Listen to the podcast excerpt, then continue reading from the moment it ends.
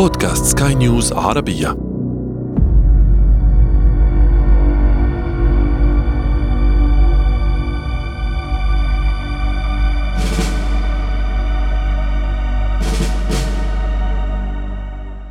تعلمون أن نابليون بونابرت لما جاء إلى مصر في عام 1798 جاء على رأس حملة كبيرة. اصطحب معه علماء وآثريين وكتاب. واحد الأغراض التي اصطحبها نابليون معه إلى مصر كان منطادا طائرا. نهاية هذا المنطاد لم تكن نهاية سعيدة ابدا. وفكرة المناطيد نفسها بالنسبة لنابليون انتهت نهاية عجيبة. لكن تخيل أن بعد ذلك التاريخ بأكثر من قرنين من الزمن تعود المناطيد للواجهة. إسرائيل تطور منطاد سكاي ديو وتضعه على الجبهة اللبنانية. وروسيا تستخدم طريقة عتيقة في استخدام المناطيد لكشف الدفاعات الجوية الأوكرانية ومن قبلهما الصين ترسل مناطيد تطير فوق الولايات المتحدة وتصنع أزمة كبيرة بين الاثنين ما حكاية مناطيد التجسس الطائرة؟ ولماذا عادت للظهور من جديد في ساحات الحرب؟ وما الذي يوجد بهذه المناطيد ولا تتوفر عليه طائرات التجسس العملاقة أو الأقمار الصناعية الحديثة؟ وما حكاية منطاد نابليون في مصر ومع الإمبراطور الروماني نيرون. أهلا بكم. أنا عمرو جميل وهذا بودكاست بداية الحكاية. بداية الحكاية. ربما يكون أول استخدام موثق للمناطيد في التجسس عندما استخدمه الفرنسيون في عام 1794 خلال حربهم ضد النمسا لمراقبة تحركات أعدائهم. عندما انتهت الثورة الفرنسية قرر الفرنسيون تطوير برنامج لبناء بالونات مراقبة لدعم الجيوش الفرنسية، وخصصوا منطقة في ضواحي باريس لهذا الغرض. أجروا هناك تجارب على المناطيد السرية، وتم بالفعل بناء أول منطاد مراقبة عسكري في العالم. وعندما اندلعت الحرب بين فرنسا والنمسا استخدم الفرنسيون منطادهم الذي كان مثبتا به تلسكوب تصل رؤيته ل 29 كيلو مترا تقريبا لمراقبة مواقع وتشكيلات القوات النمساوية والهولندية. والطريف أن النمساويين في ذلك الوقت احتجوا على استخدام البالون واعتبروه يتعارض مع أخلاقيات الحرب وحاولوا توجيه نيران مدفعيتهم لإسقاطه لكنهم لم ينجحوا. وانتهت المعركة بالفعل بانتصار الفرنسيين. دفع ذلك الفرنسيين لبناء مزيد من المناطيد، حتى برغم أن نابليون كان ميالا لاستخدام الأساليب التقليدية في الحرب. ولكن مع ذلك اصطحب معه منطادا خلال حملته إلى مصر، كما يذكر بحث نشرته جامعة هيوستن الأمريكية. لكن لما هاجم البريطانيون الأسطول الفرنسي على السواحل المصرية لم يتمكن نابليون من إخراج المنطاد من السفينة فدمره البريطانيون في معركة أبو قير البحرية في سنة 1798 قبل حتى أن يستخدمه نابليون. غادر نابليون مصر وعاد إلى فرنسا وهناك أمر بإيقاف مشروع المناطيد. لكن القصة بين نابليون والمناطيد لم تنتهي هنا. فقد غير نابليون رأيه لما أراد أن يتوج إمبراطورا على فرنسا في عام 1804 وكلف رائد المناطيد الفرنسي أندريا غارنرين ببناء منطاد ضخم لهذا الحدث وزينه بتاج كبير من الأضواء. وبعد يومين من رحلة رائعة من باريس إلى روما توقف المنطاد فجأة وهبط على بحيرة براتشيانو. أما تاج الأضواء فسقط على قبر نيرون يعني ترك كل أضرحة أباطرة روما وعلق على ضريح نيرون تحديدا. الرجل الذي حرق روما بسبب جنون العظمة. طبعا يمكن تخيل ردة فعل نابليون طرد جارنرين وأوقف مشروع المناطيد تماما.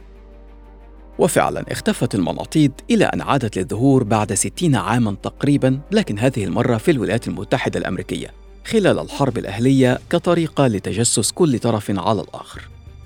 ثم هو كما يقول ضيفي الدكتور مينا عادل الباحث في الشؤون الدفاعية إن المناطيد تطورت أكثر وشاركت بكثافة خلال الحرب العالمية الأولى. بسبب تكتيكات الحرب حينها. أشهر حالات لاستخدام البالون كان بدا من الحرب العالمية الأولى إن هو بيستخدم في مهمات الاستطلاع والتصوير وتوجيه النيران لأن هو في الوقت ده كانت الحروب حروب خنادق القوتين بتكون في خنادق قصاد بعض فمحتاجين دايما حد يكون بيشوف الناحية الثانية في إيه علشان نقدر نظبط الإحداثيات للأهداف ونقدر نطلق عليها بالمدفعية. لكن الألمان راحوا بفكرهم لمنطقة أبعد وهي إن هم يستخدموه للقصف. وكان مهمة إسقاط البالون دي مش مهمة سهلة. يعني دايما الناس فاكرة إن دي مجرد بالونة في الجو فيعني لو أطلقنا باتجاه الرصاص هتنفجر في نفس الوقت. طبعا الكلام ده مش صح لأن البالون بسبب حجمه الكبير جدا فحتى لو حصل فيه ثقوب نتيجة للنيران الرشاشات للطائرات آه، برضه مش هيسقط بسهولة. وابتدت طيارين في الحرب العالمية الأولى بيفكروا دايما دي أحسن تكتيك إن انت تهاجم البلد. وتسمى الطيارين في الوقت ده اللي بيقدروا يعملوا المهمات دي بال balloon busters. وكان أشهر ال balloon buster فرانك لوك من السرب 27 الأمريكي اشتهر بسبب إن هو كان بيقدر يسقط البالون في وقت قليل جدا. كان الموضوع بي يعني مش بياخد معاه أكتر من خمس دقائق فقط. نفس السرب السرب 27 اللي منه مقاتلات ال F 22 Raptor هي اللي قدرت تسقط البالون الصيني في الحادث الشهير اللي حصل في يناير وفبراير 2023 لن أخفيكم سرا أنه قبل إعدادي لهذه الحلقة كان تصوري عن المناطيد العسكرية غائما. خليط من المناطيد السياحية المعروفة بالون مملوء بالغاز يحمل كابينة تحمل أفرادا يقضون وقتا ممتعا ويلتقطون صورا لمعالم أثرية ثم عسكرت هذه الصورة لتحويله لآلة عسكرية. لكن الدكتور مينا صحح لي هذه الصورة فيما يتعلق بالمناطيد العسكرية. البالون العسكري بالشكل الفعلي هو بيختلف تماما عن البالون المعمول آه، للأغراض السياحية أو البالون بشكله القديم. هو بالون بيبقى ليه شكل آه، شبه الأسطواني شوية بيكون آه، مش واقف على مجرد تسخين للهواء اللي داخل البالون لكن هو بيبقى قايم على تركيبة غازات مع بعض بتكون قادرة إن هي ترفع البالون يكون مزود بأجهزة قيادة بحيث إن هو يتم قيادته عبر الرياح يعني وبيكون في محرك. كمان بيبقى مزود بخلايا طاقة شمسية وجنيحات للتوجيه وكمان ابتدى يتزود عليه جزء آه، ذكاء اصطناعي بحيث إن هو يقدر دايما يتحرك مع طبعا radome يقدر يتصل بالاقمار الصناعية وينشر الصورة اللي بيبثها بشكل مباشر. الذكاء الاصطناعي بمجرد إن أنت بتعمله programming قبل الرحلة فبيقدر هو يوصل للمكان الخاص آه، بالطيران أو المطلوب منه الطيران فيه ويبدأ حتى يجمع المعلومات الاستطلاعية أو الاستخباراتية على حسب ال package بتاعت ال sensor اللي موجودة في البالون نفسه يعني. لكن حتى مع الجنيحات والذكاء الاصطناعي بقى عندي سؤال ماذا يتوفر في المناطيد ولا يتوفر في كل الاختراعات الحديثة الأخرى حتى تعود للظهور في حروب التجسس والاختراقات بين الدول. يعني مع كل التطور في طائرات التجسس والاستطلاع الرهيبة والأقمار الصناعية بماذا تنفرد المناطيد حتى تكتسب هذه الأهمية؟ لكذا سبب. أول سبب هو الموازنة ما بين تكلفة لأن إنتاج البالون هو ما بيستهلكش فلوس كتير مش غالي. تصنيعه كمان مش صعب. زي الصواريخ والأقمار الصناعية وطيارات الاستطلاع كل دي تكنولوجيا معقدة لكن البالون مش محتاج التكنولوجيا دي كلها. السبب الثاني إن البالون فعليا مش سهل يتم التقاطه على شاشات الرادار لأن البالون بيتحرك بسرعة قليلة. كمان البصمة الرادارية الخاصة بيه قليلة لأن هو في النهاية مش أجسام صلبة بتقدر تعكس أشعة الرادار ويتم التقاطها مرة أخرى بشكل سهل. فسهل جدا إن أنت تتسلل بيه. نقطة تانية هي فكرة إزاي البالون بيقدر يحافظ إنه يفضل موجود فوق المنطقة المرغوب عملية الاستطلاع فيها. بيتم من خلال الذكاء الاصطناعي إنه بيختار طبقات الهواء اللي يقدر فيها دايما البالون يحافظ على المكان بتاعه.